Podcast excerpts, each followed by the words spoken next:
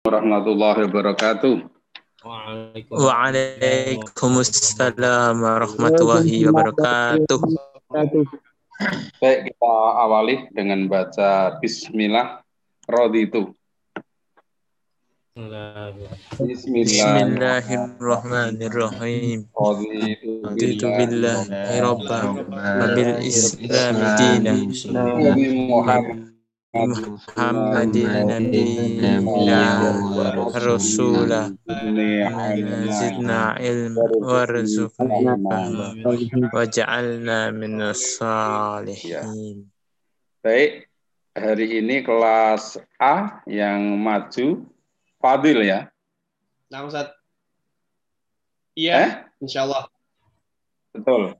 Oh ya, Fadil. Kemudian untuk kelas B yang maju Arman Nurdin. Arman? Ada enggak? sholat Eh? Oh ya, baik. Ya, langsung aja Fadil dulu.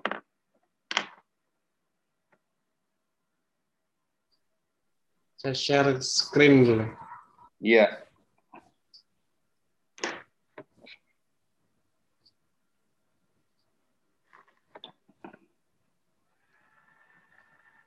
Saya lihat. Ya. Kelas.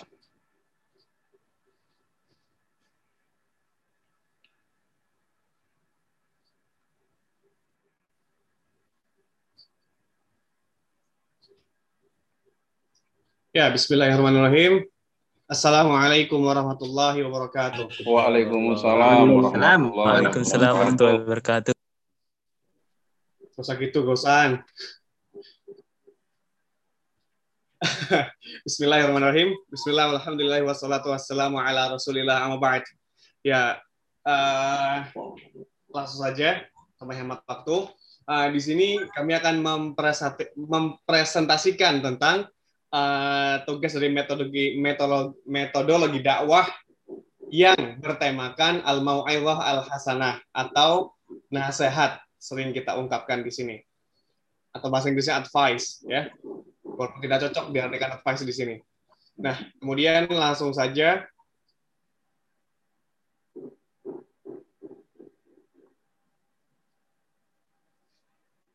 Ya eh, kadang harus diingatkan dulu sedikit ya sedikit ya. Karena terkadang seribu fatwa itu seribu fatwa ulama tidak mempan menasihati seseorang. Namun uh, dia mungkin seseorang akan tersentuh tatkala mendengar nasihat dari kita. Nah, maka teman-teman jangan lupa untuk terus dan terus semangat untuk mendakwai teman dan kerabat-kerabat kita karena bisa jadi melalui lisan kita lah hidayah itu akan datang.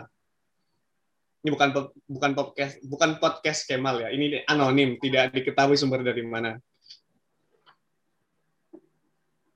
Nah, kemudian uh, sebelum merujuk kepada al-mau'idhah al-hasanah, otomatis kita akan membahas dulu apa itu dakwah. Secara singkat saja ya, walaupun agak panjang ini. Uh, dakwah itu istilah adalah istilah yang terambil dari Al-Qur'an. Ada banyak ayat yang di antara kata-kata yang digunakannya adalah dakwah atau bentuk lain yang akar katanya sama dengan dakwah yaitu dal, ain dan waw. Nah, dari kata dal, ain, waw ini dakwah dan derivasinya disebutkan 198 kali, tersebar dalam 55 surat dan bertempat dalam 176 ayat. Ayat-ayat tersebut sebagian besar sebanyak 141 ayat turun di Mekah. Nah, kemudian Allah Subhanahu wa taala ber- berfirman, "Wa innaka latad'uhum ila siratim mustaqim." Quran surat Al-Mu'minun ayat 73 yang artinya dan sesungguhnya kamu benar-benar menyuruh kepada jalan yang lurus. Nah, untuk memahami beberapa di antaranya, berikut ini akan dikemukakan sedikit tentang uh, definisi dakwah ya. Nah, dakwah adalah usaha yang usaha yang mengarah untuk memperbaiki sa- suasana kehidupan yang lebih baik dan layak sesuai dengan kehendak dan tuntutan kebenaran. Dakwah adalah mengajak manusia dengan cara bijaksana kepada jalan yang benar sesuai dengan perintah Tuhan. Kemudian, dakwah merupakan suatu proses usaha untuk mengajak agar orang beriman kepada Allah. Nah, lihat, rata-rata dari pengertian dakwah ini semuanya ah, kita dapat kita simpulkan bahwasanya dakwah itu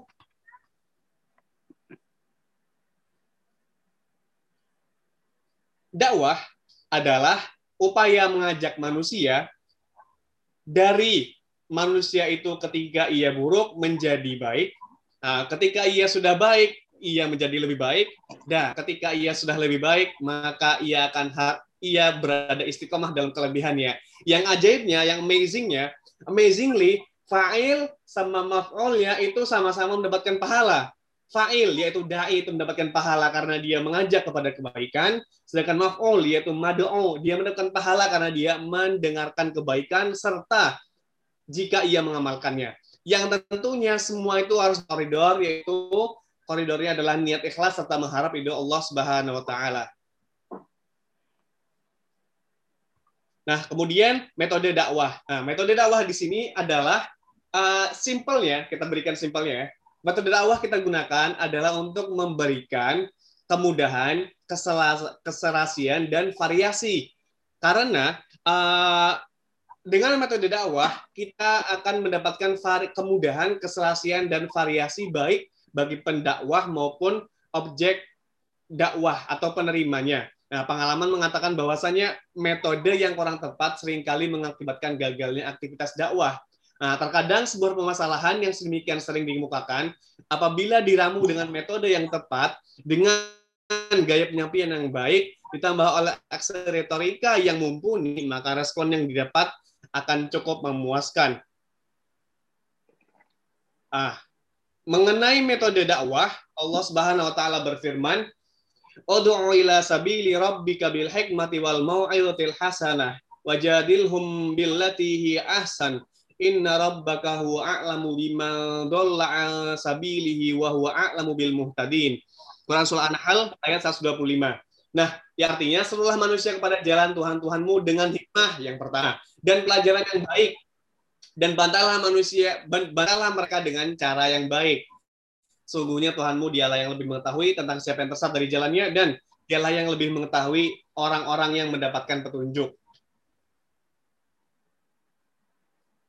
nah mengenai uh, berdasarkan redaksi ayat tersebut uh, terdapat tiga kerangka dasar tentang metode dakwah yang dapat dipilih salah satunya. Tetapi yang paling dominan dipakai oleh kami sekarang ini adalah metode dakwah bil mau'idhah al-hasanah. Nah, di sini disebutkan bahwasanya yang pertama dakwah bil hikmah yang artinya meletakkan sesuatu pada tempatnya, bijaksana tanpa paksaan. Kita tidak bahas di sini.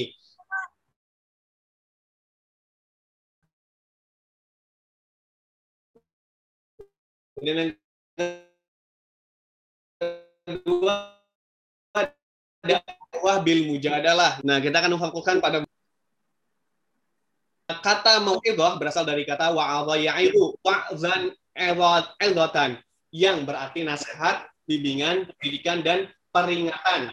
Hasanah karena tidak ada mau'idhah ada hasanah. Nah, hasanah artinya adalah kebaikan.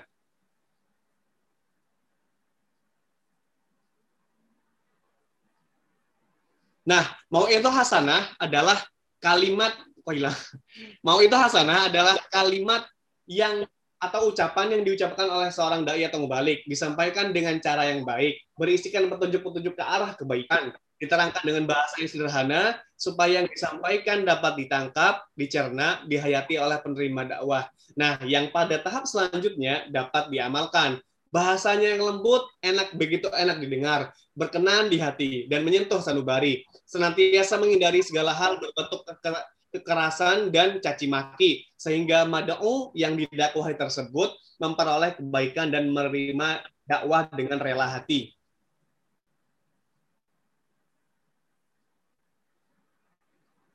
Allah Subhanahu wa taala berfirman, fabima rahmatin minallahi lintalahum walau kunta faddan ghalidhal qalbi lan faddu min haulik fa'fu anhum wastaghfir lahum wasyawirhum fil amr fa idza azamta fatawakkal 'ala Allah innallaha yuhibbul mutawakkilin. Quran surat Ali Imran ayat 199 nah yang artinya sudah ada itu ya. Langsung saja. Nah kemudian yang terakhir adalah setujuan. Tadi sebelum ay ayatnya tadi, maksudnya adalah seorang dai itu harus mampu menyesuaikan dan mengarahkan message atau message dakwahnya atau inti dari dakwahnya sesuai dengan tingkat berpikir.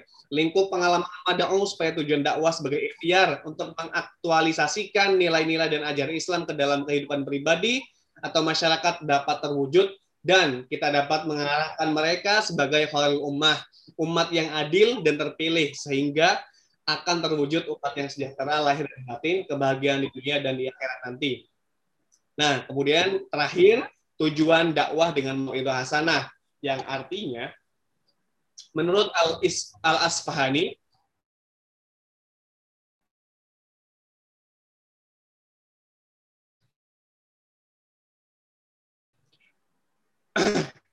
Al-Asfani memberikan pemahaman dengan makna maklum itu merupakan tindakan mengingatkan seseorang dengan baik dengan tarik suatu pemahaman dalam dakwah yang bertujuan untuk mengajak ke jalan Allah dengan cara memberikan nasihat-nasihat yang baik.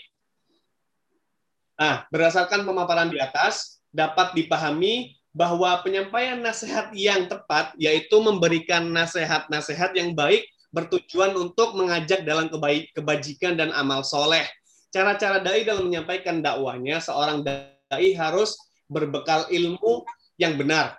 Yang pertama, ilmu yang benar berdasarkan Al-Quran dan hadis. Yang kedua, memiliki kualitas dakwah tentang Islam. Yang ketiga, konsisten tentang antara amal dan ilmunya. Jadi dia mengamalkan apa yang ia katakan. Kemudian yang keempat, santun dan lapang dada. Yang kelima adalah memberikan kesan baik kepada mad'u. Kemudian yang ketika ditanyakan, Loh, Al-Asfahani siapa? Nah, Al-Asfahani ini nama aslinya adalah Ar-Raghib Al-Asfahani. Ia adalah seorang pemikir abad pertengahan yang berupaya memahami Al-Quran lewat pendalaman terhadap bahasa Arab. Kemudian kesimpulan. Nah, kesimpulan dari semuanya adalah pengaruh dakwah yang bersifat mengajak dengan cara yang baik, nasihat yang baik, serta pelajaran yang baik melalui kabar gembira yang bersifat mengajak dengan lemah lembut serta tidak memaksa. Itu adalah al-mau'idah al-hasanah yang insya Allah jika memang kita terapkan sepenuhnya dengan ikhlas akan membawa masyarakat atau umat menjadi khairul ummah. Wassalamualaikum warahmatullahi wabarakatuh. Kelaut memancing ikan, perginya bersama kawan. Sekian ilmu yang dapat kami sampaikan. Terima kasih telah memperhatikan. Ya, baik, Fadil. Ya, e, ternyata para ulama, para zu'ama, para mubalik, dai itu ternyata di dalam menyampaikan nasihat itu ternyata banyak cara. Ya, banyak cara di antaranya ada kalam ibaroh. Ya toh? Ada kisah. Ya. Ada kisah. Ada juga pengalaman. Ya. Pengalaman. Ada juga yang melihat fenomena alam, ya. Ya, seperti ya yang namanya Ibnu Hajar al Asqalani ya Fadil ya. Kisahnya kan kita kisah yang sudah apa populer. Ya. Dia termasuk santri yang tidak pinter. Bahkan cenderung bodoh mungkin. Nah, akhirnya dia adik-adiknya saja sudah pada diri sudah, nah, dia malah belum. Nah, itu. Dan kemudian dia akhirnya malu ya sudah bertahun-tahun. Ya adik-adik kelasnya sudah pada lulus dia malah belum. Akhirnya dia kan dalam kisah itu pamit sama Pak Kiai. Ya setelah pamit kemudian ternyata di tengah jalan dia berhenti karena hujan dan akhirnya masuk ke berteduh di bawah batu bebatuan ada yang mengatakan itu gua jadi begitu ya. Nah, dia kemudian kaget ketika kepalanya itu apa? Ketetesan air. Nah, mungkin pas tengah-tengahnya itu. Ya. Ya bahasanya unyeng-unyeng. Ya. Nah, kaget, terus dia menyingkir. Eh, ternyata tetes lagi dan setelah dia amati ternyata batu yang keras itu kemudian apa? Jadi jadi lunak dan bahkan kemudian anda uh, agak berkurang batunya atau legok jadi begitu uh, berlubang. Nah kemudian dia mengambil ibaroh dari itu bahwa ternyata pikiranku yang ya yang double ya seperti ini mungkin bisa seperti batu ini. Ya dan akhirnya dia kembali ke asramanya dan kemudian dia jadi ya belajar lebih tekun dan jadilah orang yang seperti sekarang. Ibn Hajar al Asqalani ya yang hampir dunia ini belajar Islam melalui wasilah dia gitu melalui buku-bukunya melalui kitab-kitabnya jadi begitu Nah ini nasihat itu bisa menjadi change Fadil. Merubah. Jadi begitu ya. Eh, ini. Ini bisa merubah Fadil. Ya, kemudian tadi malam itu di Kick Andy, mungkin ada yang lihat nggak ya? Ada Gus Miftah yang berdakwah kepada orang-orang penjara yang jahat. Kemudian di lokalisasi WTS jadi begitu. Sehingga dia akhirnya mendirikan pesantren yang pesantren itu terdiri dari ya mantan orang-orang jahat yang sudah dinasehati atau diberi pengajian akhirnya bisa tobat jadi begitu. Nah ini ini jadi saya kira dakwah yang tertinggi Mas Fadil mungkin eh, nasihat juga tapi yang bisa change bisa merubah hidupnya. Jadi begitu, ya. Ini saya kira ini penting ini ya.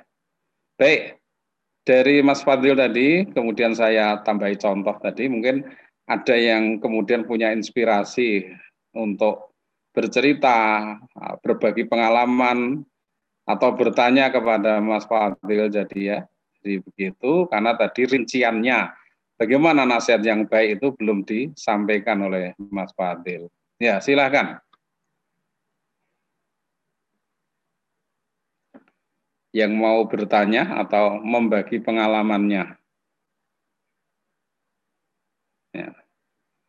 Gimana? Zuanda, Ahmad Rizki, Isa Nafi, sudah ada inspirasi? Habibur Rahman, ya, Kanugrahan Sejati, ya, Silahkan. Papa Dok.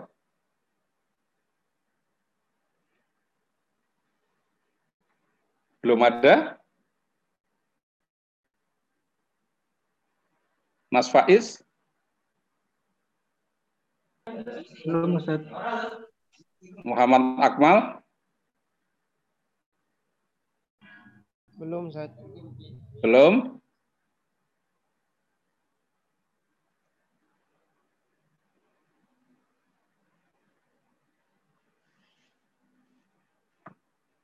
Coba Mas Fadil dulu, kalau contoh nasihat ya, nah, yang tadi saya mengambil Ibnu Hajar al Asqalani, mungkin kamu punya nasihat, jadi begitu ya. Kalau tokoh-tokoh di Jawa ini banyak yang memiliki nasihat, ya, jadi begitu ya.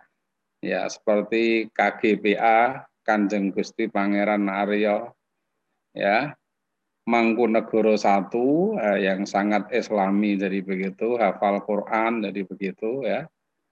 Ya ini kemudian ada Ki Hajar Dewantara gitu ya begitu ya. ya. Ya banyak apa namanya tokoh-tokoh yang memiliki nasihat jadi begitu. Yang nasihatnya sangat apa? Ya sangat mengena jadi begitu. Ya, baik silakan Mas Fadil. Sebetulnya Ustaz uh, untuk hmm. nasihat ini Ustaz saya tidak uh, mau itu hasanah ini tidak terlalu cocok Ustaz untuk karakter saya ini Ustaz.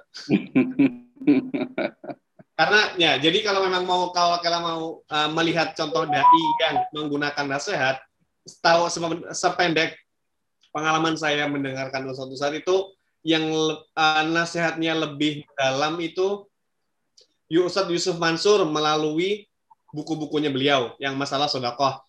Itu subhanallah kalau dibaca memang menggetarkan hati. Nasihat-nasihat beliau karena nasihat-nasihat beliau itu uh, tidak hanya jadi kenapa tadi Ana bilang uh, nasihat ini tidak terlalu cocok tidak terlalu cocok pada pribadi karena menurut pribadi kami sendiri itu uh, kami lebih mengena mengenai dakwah yang memang tel, yang dilakukan begitu loh dakwah yang dilakukan uh, yang itu mendapatkan bahasanya apa ya? kumisna kumisna yang anu aja emo emot aja akmal apa itu ya, akmal. Akmal waduh asli akmal.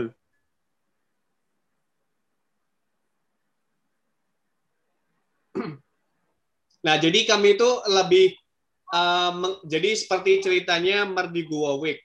Nah, Mardigo itu pernah ber, kalau dilihat di channel kanal channel YouTube-nya beliau, uh, beliau tuh pernah bercerita bahwa saya beliau tuh ingin menghajikan seseorang yang betul-betul orang jujur. Nah, jadi dia itu uh, mempekerjakan agen wanita, agen perempuan muslimah, ya uh, dari segi fisik cantik, kemudian gaunnya itu bisa kita bilang agak ketat begitu ya. Karena memang tujuan untuk menggoda, untuk mengetahui agen-agen yang betul-betul ada begitu kan. Uh, untuk mengetahui mana yang pantas untuk pergi diberingkatkan ke haji gitu loh. Nah, kemudian agennya ini diberikan mic rahasia, kemudian ada kamera tersembunyi. Agen ini datang ke Ustadz. Nah, Mardigo Wawik ini bilang dia ini Ustadz terkenal.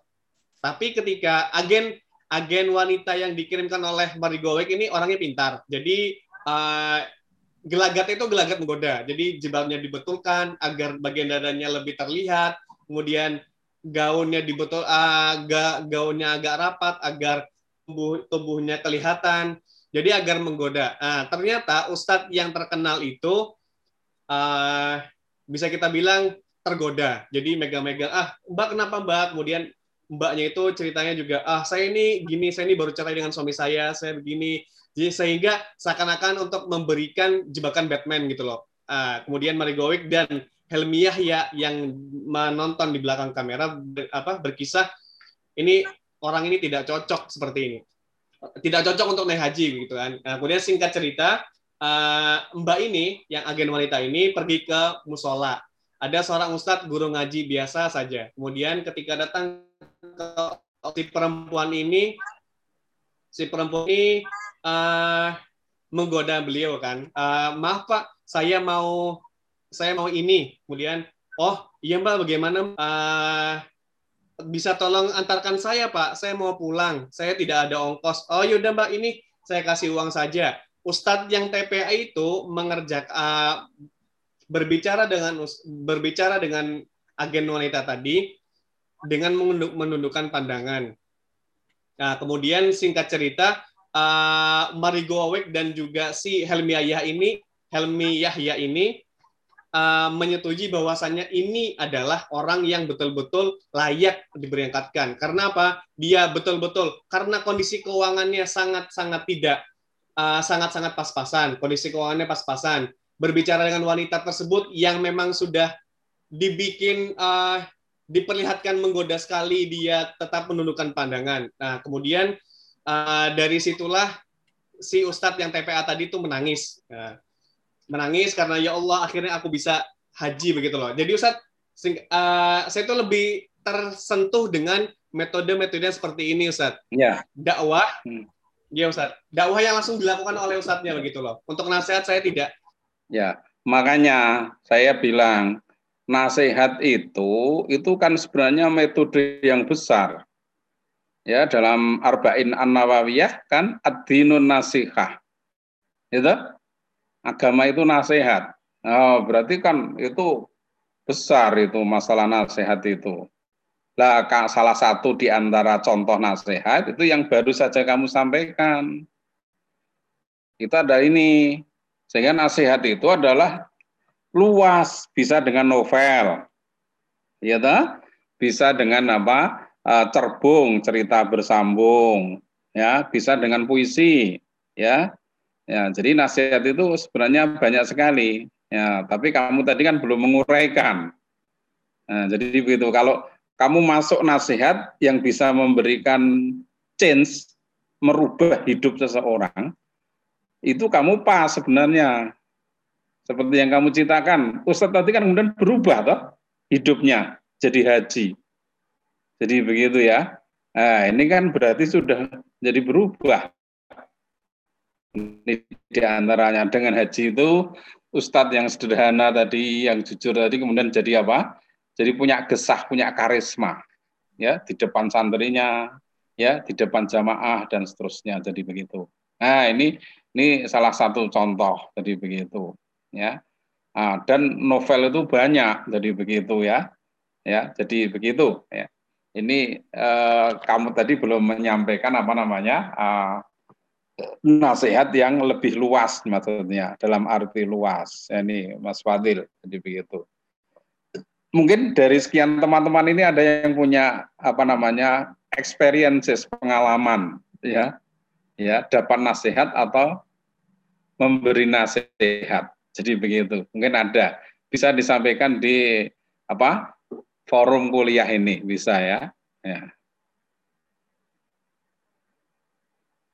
Silahkan kalau punya, ya kalau ada.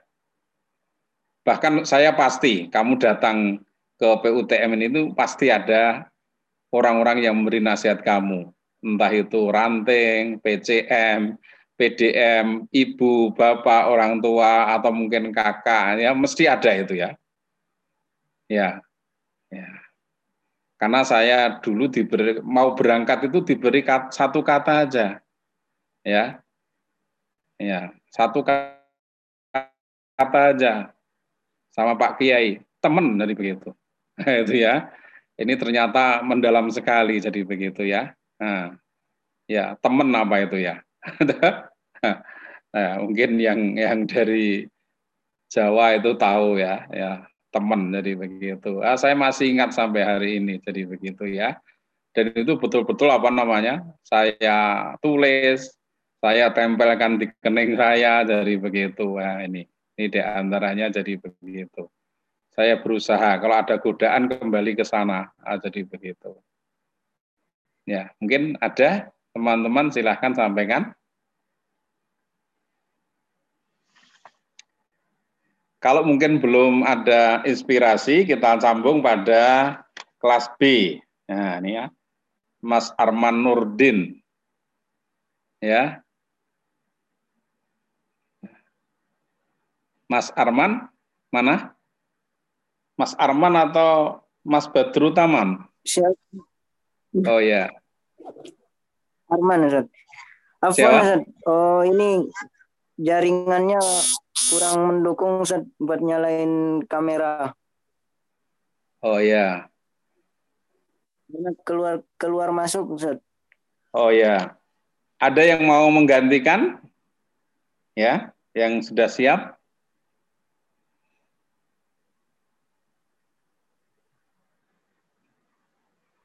Ada yang menggantikan?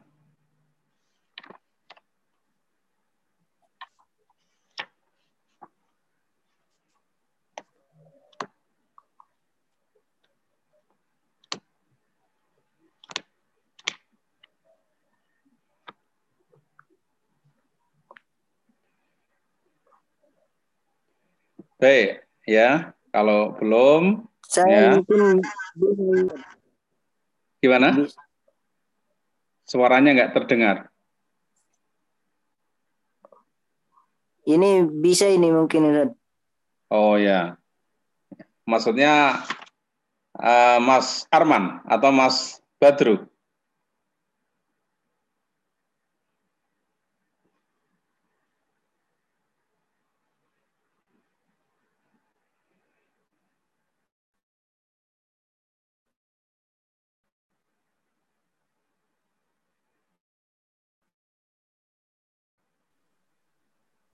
Ya, sambil menang saya lanjutkan tadi ya tentang nasihat tadi.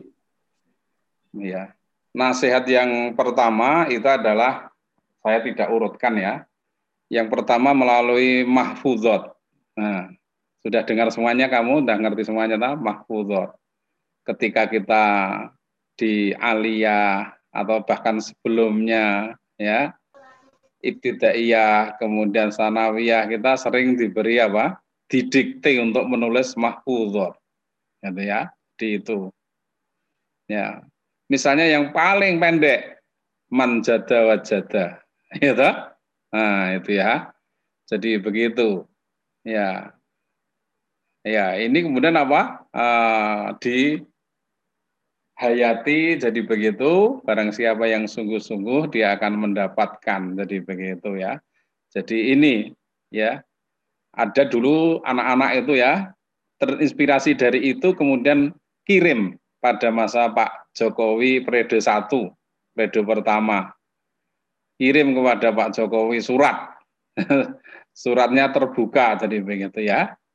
Ya jadi begitu karena saya wah apa namanya ingin ya eh, melanjutkan menuntut ilmu dan seterusnya ya tapi karena keterbatasan ya keluarga kami ya dan kami di desa apa Pak Jokowi Pak Presiden ya eh, eh, ringan hati untuk bisa membantu kami ya supaya belajar saya bisa lancar jadi begitu ya ya kami adalah jauh dan harus menyeberang sungai dan seterusnya jadi begitu. Nah, ya akhirnya dia diberi dua.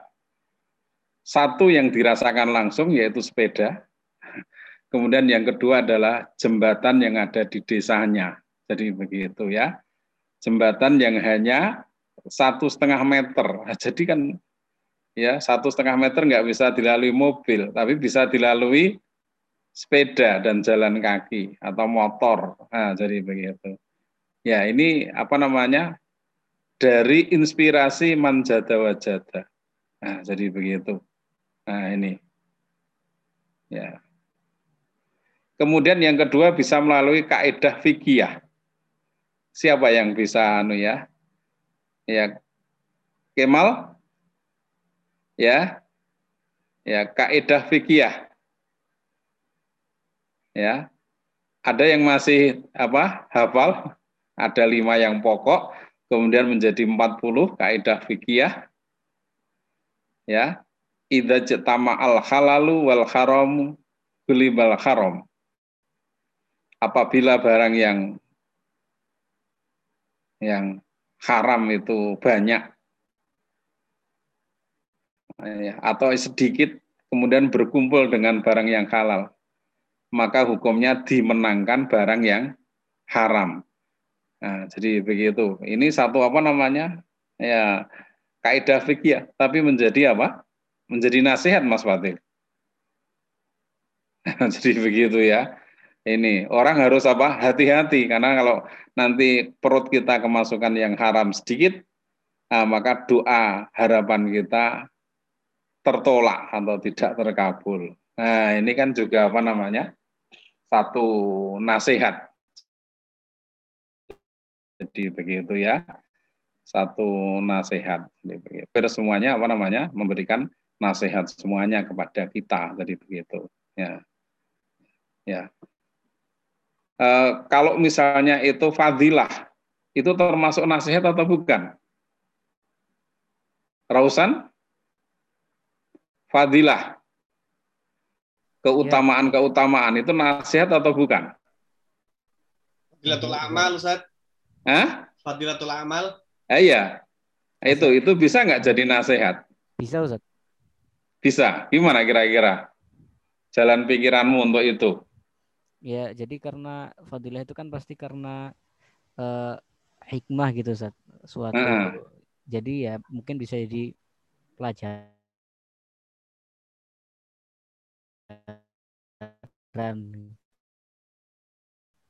atau itu uh, apa namanya suatu amalan gitu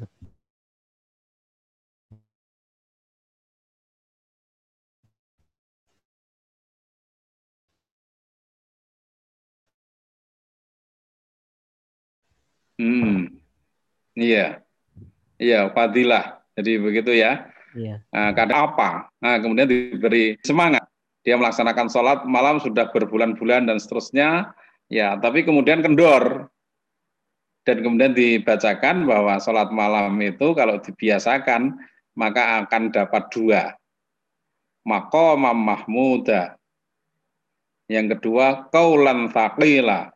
Nah, jadi begitu. Akhirnya jadi apa? Semangat lagi kemudian sholat malamnya. Jadi begitu ya. Dan akhirnya apa? Dia bisa ya ya bisa terkabul. Jadi begitu. Ya, dia ingin jadi orang yang bisa jadi uswatun hasanah. Dan alhamdulillah akhirnya nikah dengan Mbak Uswatun Hasanah. Nah, jadi begitu ya. Ini akhirnya bisa apa? Bisa bisa terkabul jadi begitu. Ya, ini ya. Uh, ada juga yang nasihat itu ya ya nasihat itu bisa marah itu marah itu juga bisa jadi apa nasihat ya. Bisa marah itu bisa menjadi apa? Nasihat ya, ya. dan marah itu biasanya ditujukan kepada seseorang. Kalau marah kepada jamaah itu ya itu ya nah, ini ini ditujukan biasanya kepada seseorang. Jadi ya ya mengapa kok dimarahi jadi begitu ya? Nah ini ini bisa nasihat kemudian nasihat itu bisa perilaku apa apa namanya tindakan. Ya jadi ya tadi kalau itu fadilah nah sekarang bisa tindakan. Jadi begitu ya nasihat itu. Nah apa nasihat itu? Memberikan contoh nyata. Ya contoh nyata. Ya misalnya ada di kuko ya di manajemen internasional keuangan. Nah, jadi begitu ya bagaimana supaya orang itu bisa bertahan hidup dengan penghasilan yang uh, pas-pasan jadi begitu. Uh, maka uh, so, apa, min, manajemen UKO itu ya itu memberikan cara-cara untuk mengatur keuangan. Nah, jadi begitu. Ya, yang di Ustadz kita ini yang mempraktekkan itu adalah uh, Ustadz ya Dr. Haji Muhammad Damami Zen ini yang me, me, sampai hari ini mempraktekkan itu. Ya sehingga keuangannya bisa apa namanya uh, bisa stabil. Apa itu? Yaitu dia menyam apa menempelkan di dalam almari itu amplop-amplop ya amplop itu ditempelkan. Kemudian ditulisi ya. Tulisi. Kebutuhan sehari-hari sedikit ya. Kemudian yang kedua kesehatan. Nah, jadi begitu. Ya. Kemudian pakaian. Nah, kemudian haji. Nah, jadi begitu. Kemudian uh,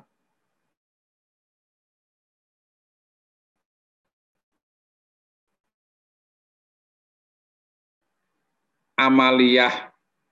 Ada berapa itu tidak apa namanya lang diisi terus. Ya jadi begitu. Ya diisi terus. Ya. Ya tadi yang apa amalan yang tahunan apa? Ya yang tahunan itu di antaranya adalah uh, zakat. Ya kemudian yang kedua kurban. Zakat mal kurban Nah, jadi begitu itu diisi, jadi terus.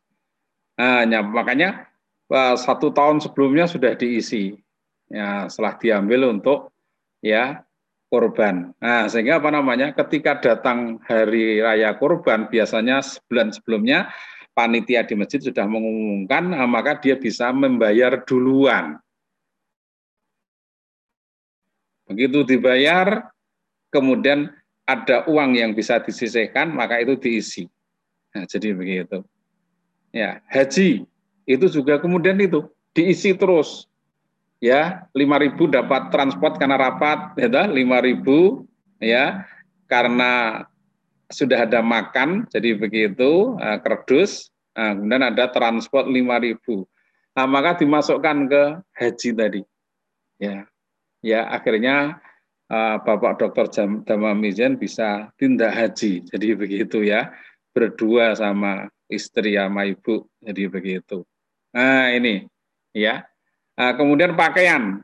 Nah pakaian. Ya. Uh, uang untuk pakaian itu juga ya diisi terus jadi begitu kalau ada yang untuk mengisi kalau tidak ya tidak ya jadi begitu ya tapi disiplin tidak untuk pakai pakaian untuk kebutuhan sehari-hari enggak. Yang haji diambil karena belum dipakai untuk ini enggak jangan. Disiplin. Nah itu nasihat dalam bentuk tindakan. Nah, satu lagi tadi yang keenam itu adalah rumah. Jadi begitu ya. Rumah. Uh, jadi ada enam tadi ya. Maka Pak Dr. Damami kemudian apa uh, sudah bisa membeli apa tanah ya dan kemudian bisa membangunnya jadi begitu ini di antaranya jadi begitu ya ya dan uh, Ustadz Damami itu kemudian apa merasa kalau ketika bangun rumah itu saya nggak punya apa namanya nggak punya Eh, kompetensi. Nah, maka kemudian apa?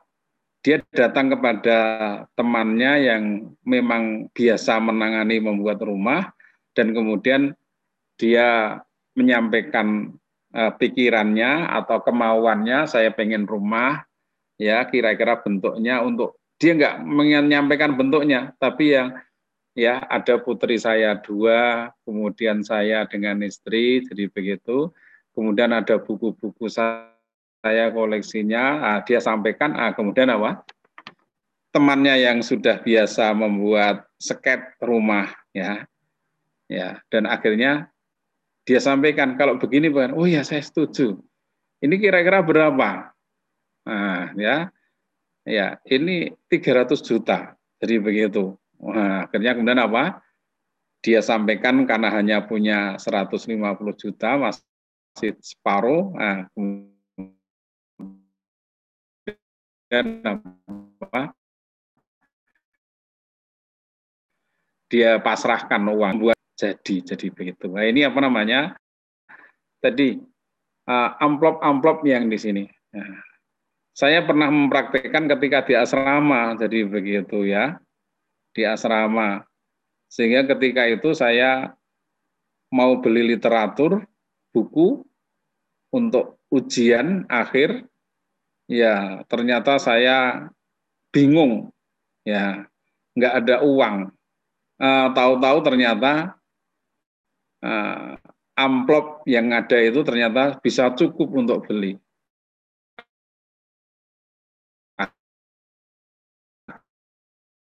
akhirnya kemudian saya belikan ya Nah, saya Jogja bisa dipakai untuk uh, menyelesaikan tugas akhir dan akhirnya bisa. Nah ini tindakan, jadi begitu. Ya, ini tindakan nasihat yang ya berupa tindakan. Kemudian di mana dapat nasihat itu? Ya, ya ini bisa di buku-buku tulisan para zuama, ya, para dai, mubalek, ulama, tokoh-tokoh jadi begitu. Nah ini ini di antaranya dari sana. Bahkan prasasti, ya bisa prasasti. Jadi begitu. Nah ini ya, misalnya di makamnya Sunan Derajat, gitu. Di sana ada tulisan ya apa namanya ya ya dengan bahasa Jawa dadio uwong kang manfaat. Nah, jadi begitu ya. Nah, itu ya. Ini sebenarnya kan dari hadis. Ya, tapi karena diwujudkan dalam tulisan seperti itu, ya, dan ditulis di makamnya, maka kemudian bisa apa namanya? Bisa jadi nasihat. Nah, jadi begitu. Ya. Ya. Uh, kemudian tulisan-tulisannya KGPA Mangkunegara satu ya namanya terkenal dengan Pangeran Sambernyowo ya toh. Nah, ini Ratu Mangkunegaran satu. Kalau di Jogja ada Pakualaman, Maka kalau di Solo ada Mangkunegoro. Nah ini ya, Adipati Mangkunegara. Nah, kalau di Solo ada Sunan, ada Sunan, ini adipatinya. Nah, ini karena adipati itu dia ketika masih muda itu namanya Raden Mas Said. Nah, jadi begitu ya. Dia hafal Quran, nulis Quran, dan kemudian dia ngaji, memberikan pengajian kepada penderek-pendereknya, followernya, atau orang yang cinta kepadanya. Jadi begitu. Nah, dia ngajari Quran. Jadi begitu ya. Nah, ini. Nah, dari Quran itu kemudian apa? Dia memberi nasihat ketika dikepung oleh musuh. Nah, maka dia memberikan nasihat pendek, tiji tibeh. Apa namanya? Tiji. Nah, ini ya. Singkatan itu. Mati siji, mati kabeh. Mukti siji, mukti kabeh. Nah, itu ya. Nah, jadi ya mati satu, mati semuanya. Bahagia satu, bahagia semuanya. Nah, ini di antaranya. Wah, ini mendalam sekali ini di antaranya ya bagi penderek-pendereknya. Akhirnya apa? Dia bisa lepas dari kepungan Belanda itu, ya, dan kemudian apa? Belanda bahkan bisa dihancurkan, ya. Nah, dengan dia bisa menghancurkan Belanda yang mengepungnya itu dengan pedangnya, maka dia dijuluki oleh Belanda itu Pangeran Sambernyowo, gitu ya. Ya, jadi kalau dia mengacungkan pedangnya, maka kemudian apa? Uh, musuhnya pada tergeletak alias apa namanya? terkena pedangnya. Nah, ini uh, nasihat-nasihat ya yang ada di dalam apa? prasasti, buku-buku dan sekarang masih terawat bagus di sana. Tapi tulisannya adalah pakai tulisan Jawa atau Honocoroko. Nah, jadi begitu ya. Ya, ini ini di antaranya. Mas Rausan kenal nggak kira-kira ini Hono Coroko ini? Mas Rausan. Kenal saat waktu SD. Mas Isa Hanafi. Kenal waktu SD tadi Ustaz. Oh, SD. Setelah SMP atau Sanawiyah Aliyah tidak mempelajari Ada lagi ya. Mata pelajaran. Ya. Wah, padahal itu kalau kamu pelajari, kamu bisa menjadi kadernya, penerusnya. Tadi Ustadz Dr. Muhammad Haji Damamizen tadi ya Ustadz kita yang ahli dalam bahasa Jawa itu ya dari apa namanya penelitiannya penelitian tentang uh, kejawen. Nah jadi begitu. Ini bisa diteruskan jadi begitu ya. Nah ini. Ya. Saya masih ingat dulu ada uh, apa namanya bule gitu ya. Ya dari Amerika kemudian kuliah jarak jauh ke Solo. Ya. Namanya Mbak. Dia kemudian mempelajari Honocoroko tadi. Nah ini ya. Dan akhirnya kemudian apa? Akhirnya dia bisa lulus. Waktu ini jadi MA atau ME ke Amerika.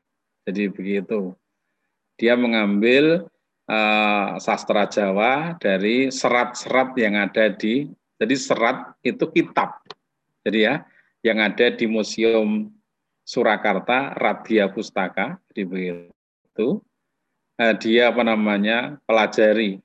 Sambil dia mempelajari dia menyelamatkan eh, naskah-naskah uh, lama itu dengan di mikrofilm. Nah, jadi ya zaman dulu masih modern itu ya mikrofilm kalau sekarang sudah tidak terlalu ya. Nah ini sehingga akhirnya karena naskah lama itu berdebu. Ya apa? Berdebu kalau dibuka itu debunya itu keluar akhirnya dia kena sakit paru-paru ya tekunnya seperti itu ya dan sebagian naskah kuno itu sekarang bisa selamat karena jasa dari Mbak Nancy Florida itu ya. Jadi begitu Mas Rausan. Nah, jadi begitu ya. Nah ini dan ya, dia berhasil dan kemudian punya keturunan dia menjadi kalau nggak salah dia jadi seorang dokter di putranya itu ya seorang dokter di nah, UNS Universitas 11 Maret Maret Surakarta. Jadi begitu. Nah ini ya. Tapi Mbak Nancy Florida tadi kembali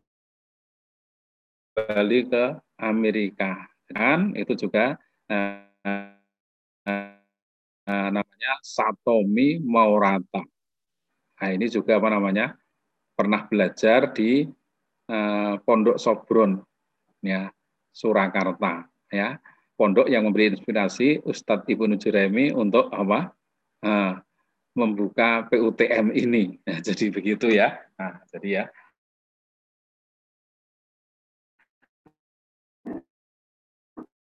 Jadi Pak uh, uh, Ustadz Ibnu Juren punya aksesnya. Ya, bagaimana kalau saya membuat yang tidak seperti Sobron, tapi khusus untuk mencetak ulama. Jadi begitu ya. Nah, ini.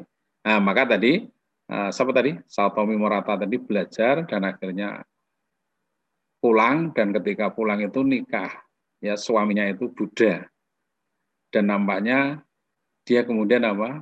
Saya tidak tahu, tahu-tahu apa namanya. Dia kirim surat cerita dan akhirnya dia menambah namanya Satomi Maurata Aisyah. Nah, jadi ya, ternyata dia masuk Islam. Tapi suaminya masih dalam keadaan kayak Buddha. Jadi ya toh, di uh, Jepang sana. Jadi begitu. Dan pada muktamar ketika di Jogja, beliau dengan putrinya datang ke Jogja. Jadi begitu ya.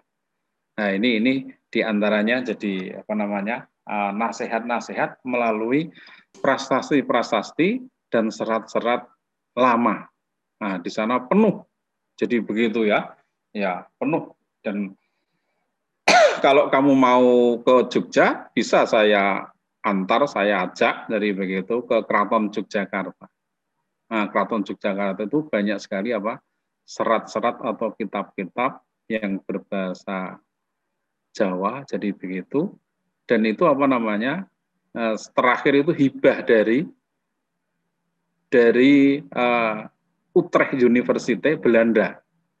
Di sana ada museum terbesar di Belanda sana dan itu ternyata apa? Naskah-naskah asli Indonesia yang bagus-bagus itu dibawa ke Belanda sana. Dan kemudian dimasukkan di museum ya dirawat jadi begitu. Nah, dan kemarin Eh, Raja Yogyakarta dapat apa namanya dapat hibah itu ya mungkin kalau itu di Indonesia mungkin tidak terawat karena bapak saya dulu juga punya banyak kitab tapi kitab tadi ya bahasa Jawa tadi nah dan karena masa penjajahan itu diteror oleh Jepang jadi begitu ya maka orang yang punya kitab itu dianggap orang yang pintar. Jadi dia dianggap orang yang pintar dan itu bisa membahayakan. Nah, maka kemudian ketika digeledah di rumahnya ya kakek saya, nah itu kitab-kitabnya bapak itu kemudian apa? Nah, dicurigai. Akhirnya oleh bapak itu tidak dirawat, dinaikkan di atas apa? Di atas genteng. Nah, jadi begitu. Ya, dengan di atas genteng itu Jepang tidak apa namanya, pas zaman Belanda itu Belanda tidak mencurigai. Nah, tapi kan di atas genteng kena panas, kena hujan, akhirnya hancur toh. Nah, itu ini di antaranya. Padahal itu adalah apa? emas sebenarnya ya. ya, ya sumber ilmu yang ada di dalam kitab-kitab itu. Nah, ini tadi kembali kepada apa yang disampaikan oleh Mas Fadil. Jadi ya, jadi teknik untuk memberikan nah, atau, atau siasat strategi untuk memberikan nasihat itu jalannya banyak sekali. Jadi begitu ya, nah, bermacam-macam. Jadi begitu. Ini menandakan bahwa apa? Nah, dalam hadis ad-dinun nasihah, nasihah itu adalah sangat apa? Sangat luas. Jadi begitu. Nah, bagaimana eh, nasihat itu bisa ditelan atau bisa masuk ke dalam diri seseorang. Ya. Yang pertama, karena orang itu ya ini ya, ini orang itu punya ilmu laduni. ya.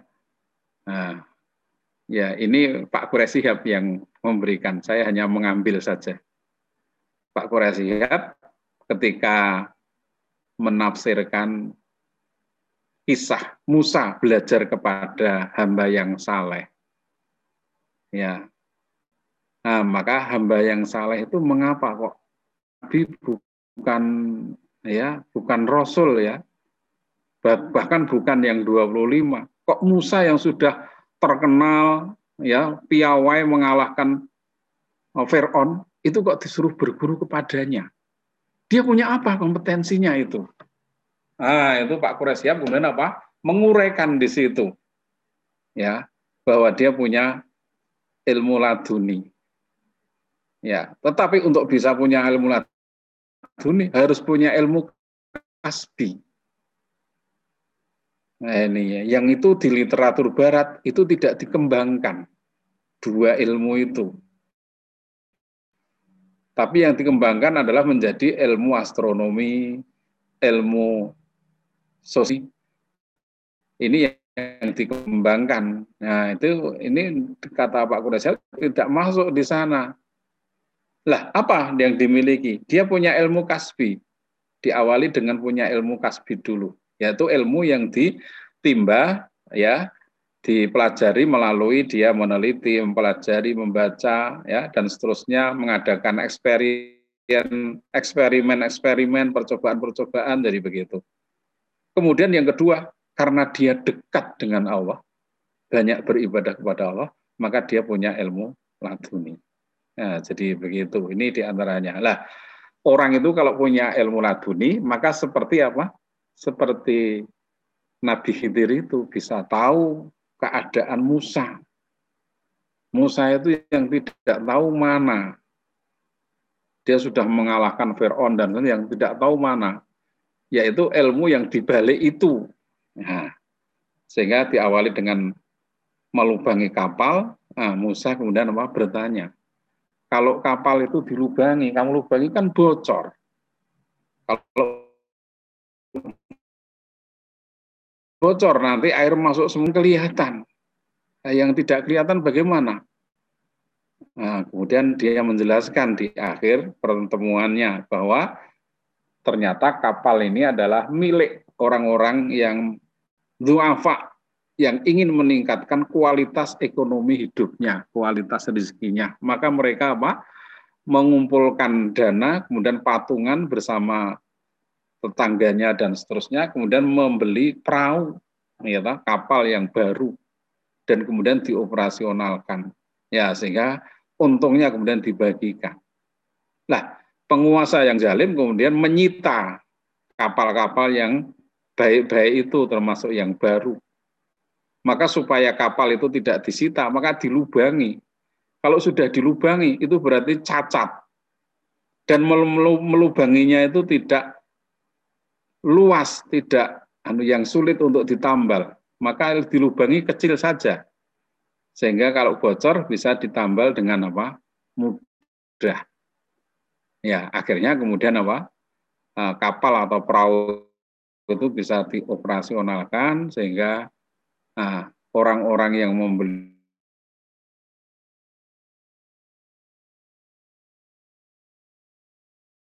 beli kapal secara patungan bersama-sama itu, nah, maka Musa kemudian mengangguk-angguk. Nah, padahal ketika awal pertemuannya sudah wanti-wanti dalam bahasanya ketika apa namanya kontrak belajar, apa kamu bisa sabar belajar dengan aku? Nah, Musa kemudian meyakinkan kepada ya kepada hamba yang saleh Nabi Khidir. Kemudian bisa akhirnya Nabi Khidir kemudian memberi pelajaran yang pertama. Jadi ya jadi begitu. Eh ini ini adalah satu apa namanya satu nasihat. Jadi begitu ya. Itu adalah orang itu tahu. Jadi begitu ya keadaan yang dinasehati. Nah jadi begitu ya bagaimana membaca kepada orang yang dinasehati itu ya nah itu dengan apa namanya pengetahuan di antaranya tadi seperti yang dimiliki oleh Nabi Khidir nah jadi begitu ya Kemudian ya, yang kedua, dia bisa bertanya. Ya, apa yang dibutuhkan oleh yang dinasehati itu ya. Nah, sehingga dengan bertanya itu kemudian yang memberi nasihat kemudian apa? akan memberikan sesuai yang dibutuhkan. Nah, ini. Ini di antaranya. Kemudian yang ketiga adalah bagaimana cara untuk mengetahui yang dibutuhkan oleh yang dinasehati itu. Dia memberikan beberapa dari, dari beberapa itu kemudian disampaikan ternyata hanya satu yang dia masuk ke dalam hatinya dihayati dan kemudian apa dilaksanakan. Nah, ini namanya metode seperti ini adalah trial and error. Coba-coba salah. Jadi begitu ya. Nah, jadi tapi memberikan alternatif-alternatif ini. Ya. Nah, maka alternatif itu kemudian apa? Dijelaskan oleh yang memberi nasihat tadi ini ini ini ini jadi begitu. Nah, kemudian yang dinasihati memilih. Nah, jadi begitu ya. Mungkin Anda sebelum masuk PUTM sudah anu ya, sudah tahu ya ada kaderisasi ulama yang ada di ya Ustaz Muhammadiyah Malang. Nah, jadi begitu ya. Ya, di sana saya pernah ke sana dan kemudian ngomong-ngomong. Kemudian ada yang ada di Solo ya, Ustaz Muhammadiyah Solo yaitu Pondok Hajah Nuriyah Sobron atau terkenal dengan Sobron. Nah, jadi begitu. Ini ya ada itu. Kemudian di Jogja ada PUTM. Nah, itu kan ada alternatif-alternatif mungkin ada yang begitu. Nah, akhirnya kamu memilih ya ke PUTM yang Jogja. Mungkin bisa begitu. Ini di antaranya alternatif alternatif jadi begitu. Nah ini ya cara-cara penasehat itu atau orang yang menasehati itu atau di dalam dai dengan metode nasihat itu kemudian cara untuk mengetahui bagaimana nasihat itu bisa masuk adalah di antaranya tadi yang saya sampaikan tiga macam tadi. Jadi begitu. Baik, sudah banyak yang saya sampaikan. Mungkin ada yang apa namanya uh, memberikan umpan balik. Tadi karena Mas Arman Nurdin tadi tidak bisa masuk ya, ada kendala. Begitu. Ya. Baik, silahkan kalau ada yang mau memberikan apa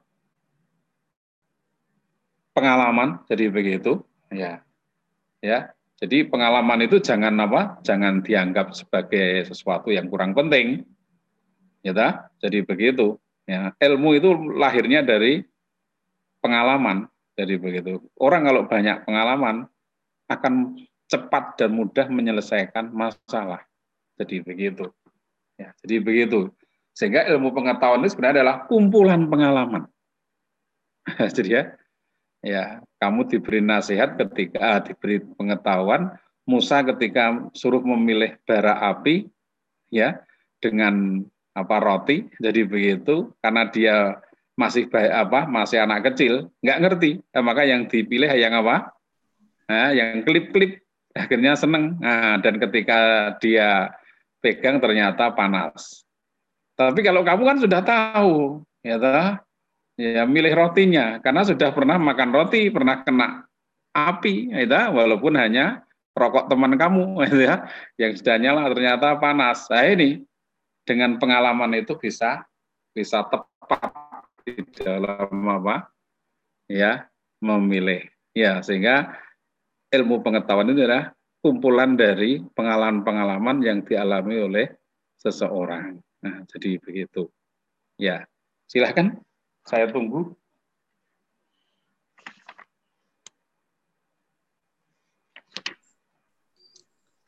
Uh, Afwan Zat, mungkin saya mau coba. Ya, ya. Hmm, gini ya. Hmm. Uh, agak itu Zat, apa? Sinyalnya agak buruk ya, nyendat-nyendat. Dari saya kurang baik. Tidak Ustaz, jelas Ustaz. Eh? Punya Mas Habib barangkali Ustaz. Enggak, ya. Uh, maksudnya punya saya Ustaz, maksudnya. Ya, oh ya. Kalau dari Mas Gosan, jelas nggak dari saya? Lancar jaya Ustaz. Oh ya, Ansar Jaya. Hmm. Nama habis itu. Ansar Jaya itu. Iya, iya. Ada Mas Habibur Rahman, silahkan.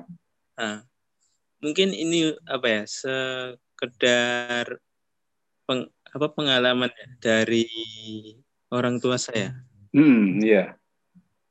Nah, gini, eh, biasanya kayak ini kayak sudah kayak mungkin sunatuwo gitu, Ustaz. Hmm, ya. Jadi terkadang apa kita ini kan menjalani apa aktivitas normal biasa, bekerja, kayaknya biasa normal gitu. Nah, namun eh, ketika apa tiba-tiba kita mendapatkan apa rezeki yang besar gitu, Ustaz.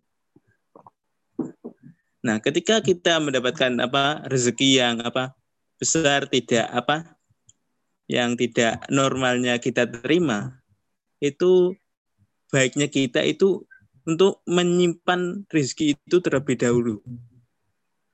Karena terkadang eh, setelah beberapa waktu, nggak terlalu lama, itu entah mungkin dari diri kita sendiri atau dari keluarga ter- kita ternyata membutuhkan apa rezeki tersebut. Iya. Jadi apa Allah itu seakan-akan sudah apa menyiapkan eh, pencegah gitu. Jadi udah ada apa namanya wanti-wanti gitu dari Hmm, Allah iya. Hmm. sebelum Nasihat ya. ujian itu tadi datang. Iya. Mungkin itu saja Ustaz. Hmm, ya, ini betul. Ya, saya pernah melihat itu ya di sekitarnya Ustadz Fahmi, ya, itu dimulai dari keluarga saya dulu, ya, saya dekat dengan Ustadz Fahmi itu. Nah, di dekat Ustadz Fahmi itu ada tanah-tanah yang dibeli oleh SMK Negeri 4 gitu ya, dengan murah sekali. Nah, dari situ kemudian kan orang-orang apa namanya terpaksa punya uang banyak jadi begitu ya akhirnya apa namanya karena tidak pernah megang uang terus megang uang banyak. Ah, jadi begitu ya. Nah, maka ada yang kemudian apa? Eh, ada macam-macam. Ada yang kemudian dibelikan tanah lagi. Eh, jadi begitu ya. Dibelikan tanah lagi.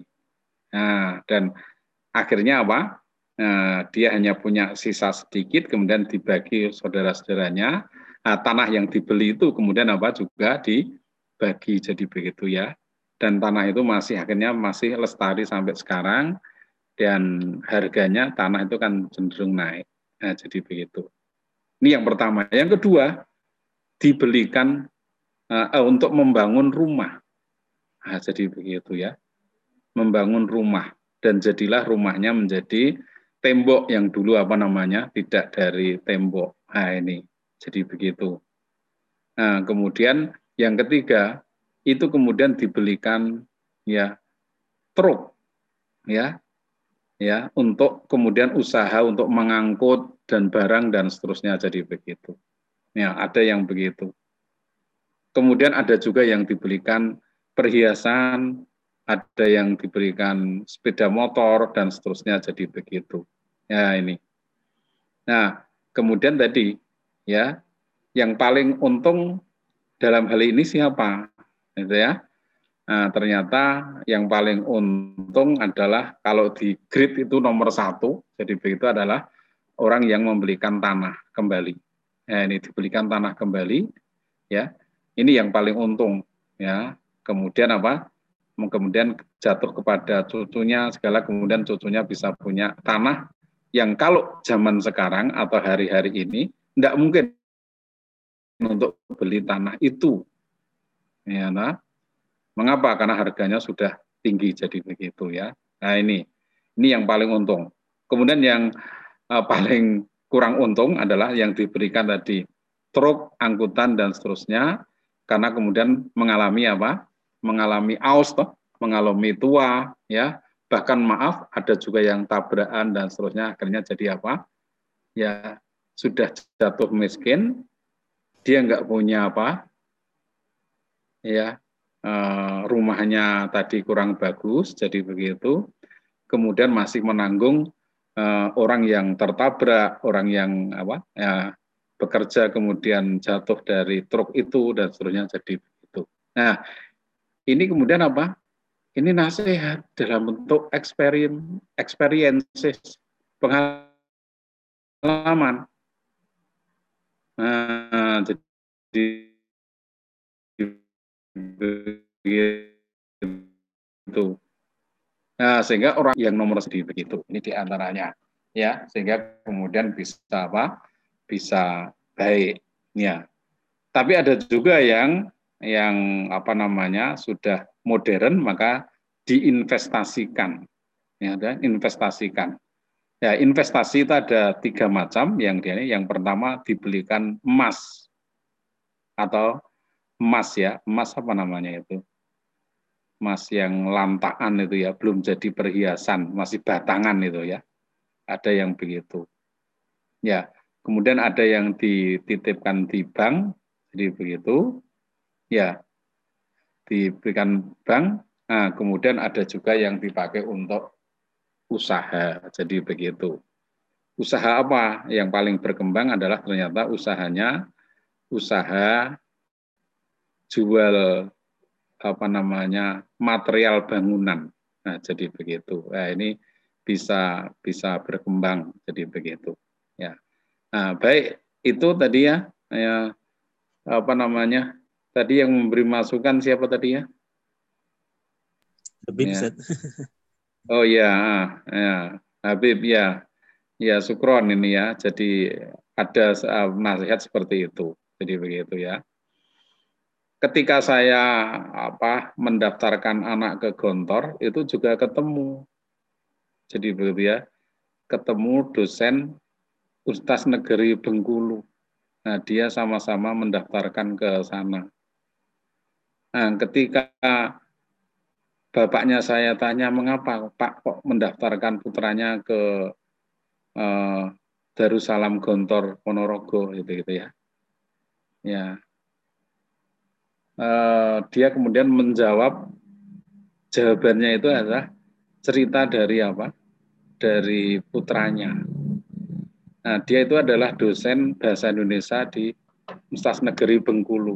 Nah, ternyata apa? Anaknya itu pengen ke Gontor karena anaknya itu jadi muridnya, santrinya di kampung itu alumni Gontor. Maksudnya Gontor di sini karena Gontor itu kan banyak pesantren di sana, ya tak? Tapi salah satunya adalah eh, Darussalam Gontor. Ya, jadi begitu. Karena ada pesantren Darussalam yang ada di Ciamis ya. Ya, saya pernah menginap di sana, jadi begitu, Ciamis, Jawa Barat ya dekatnya Bu siapa? Menteri Kelautan kita, gitu ya. Nah itu, nah, dia dia hanya apa namanya di, diceritai. Dan itu menjadi nasihat bagi anak itu kemudian masuk ke Gontor atau ke Darussalam tadi, yaitu ya gurunya yang alumni Gontor itu ketika datang uh, pulang dari Gontor setelah selesai tujuh tahun ya tak? ya kemudian apa? Dia pulang kembali ke kampung ternyata. Ketika pulang itu ternyata apa yang dilakukan? Dia langsung mendatangi uh, musola dan masjid yang ada di situ. Nah kemudian apa? Salah satu masjid yang didatangi masjid di, di desa itu adalah ada anak-anak. Kemudian anak-anak itu dikumpulkan didatangi diajak ngomong-ngomong ya kemudian akhirnya ngaji ketika malamnya itu apa sore sampai malam itu memberi pengajian, nah, dia kemudian siangnya itu jual apa beli ayam, ayam jago itu satu, kemudian dibawa ke rumah terus dikuliti.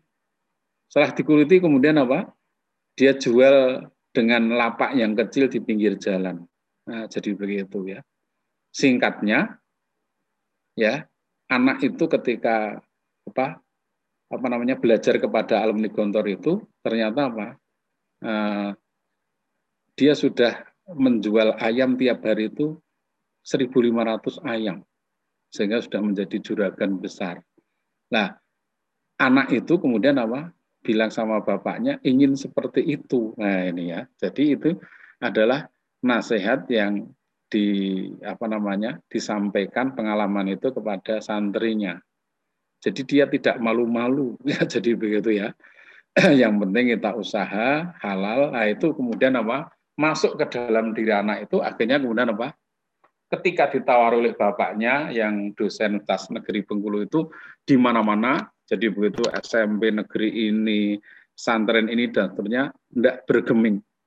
Pokoknya dia hanya memilih satu, yaitu Darussalam Gontor Ponorogo. Nah, ini. Ini lagi-lagi tadi ya eh, Mas Fadil tadi ya dengan apa yang saya sampaikan tadi, semoga apa namanya Mas Fadil bisa meluaskan ad-dinun nasihat. Agama itu adalah nasihat. Nah, maka materi ya ya wal mau'idatil hasanah tadi sudah dijabarkan sama Mas Fadil. Nah, maka kemudian apa? Eh, teknis siasat untuk memberi nasihat sudah saya sampaikan. Baik, saya bunyikan presensinya. Kelas A dulu, ya. Mas Kemal. Hadir Ustaz. Ya. Ahmad Rizki. Hadir Ustaz. Ya. Hadir, Dimas Novaldi. Ya. Fadil. Ya. Habibur Rahman. Hadir Ustaz. Habib. Ya. Isa Anafi. Ya. Kanugrahan Sejati. Ada enggak? Ada Ustaz, ini mic-nya bermasalah mungkin Ustaz. Oh ya. Oh. Maulan Ilhamul. Hamdi. Ya. Kemarin hadir enggak? Hadir Ustaz. Maulan. Ya. Hadir ya. Ya. Miftahul Khair. Ya. Ya. Ridwan Furqoni. Hadir, Ustaz. Rifki Juanda. Hadir, Ustaz. Oh ya. Afan. Ustaz, Miftahul Khair Ustaz. Miftahul Khair Ustaz. Habis dari hamam Ustaz barusan. Oh ya ya. Afan Nah. Ustaz. Ya. Syukron.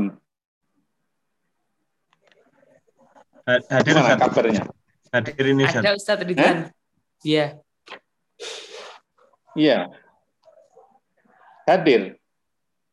Hadir, Ustaz. Ya. Baik. Ahmad Hafid Ardiansah. Ya.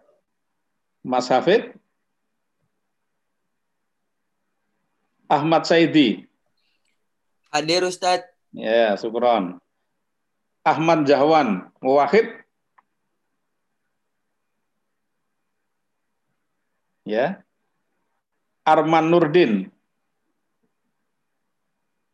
Sinarnya sinyalnya sulit ya. Badru Tamam. Hadir Ustaz. Ya.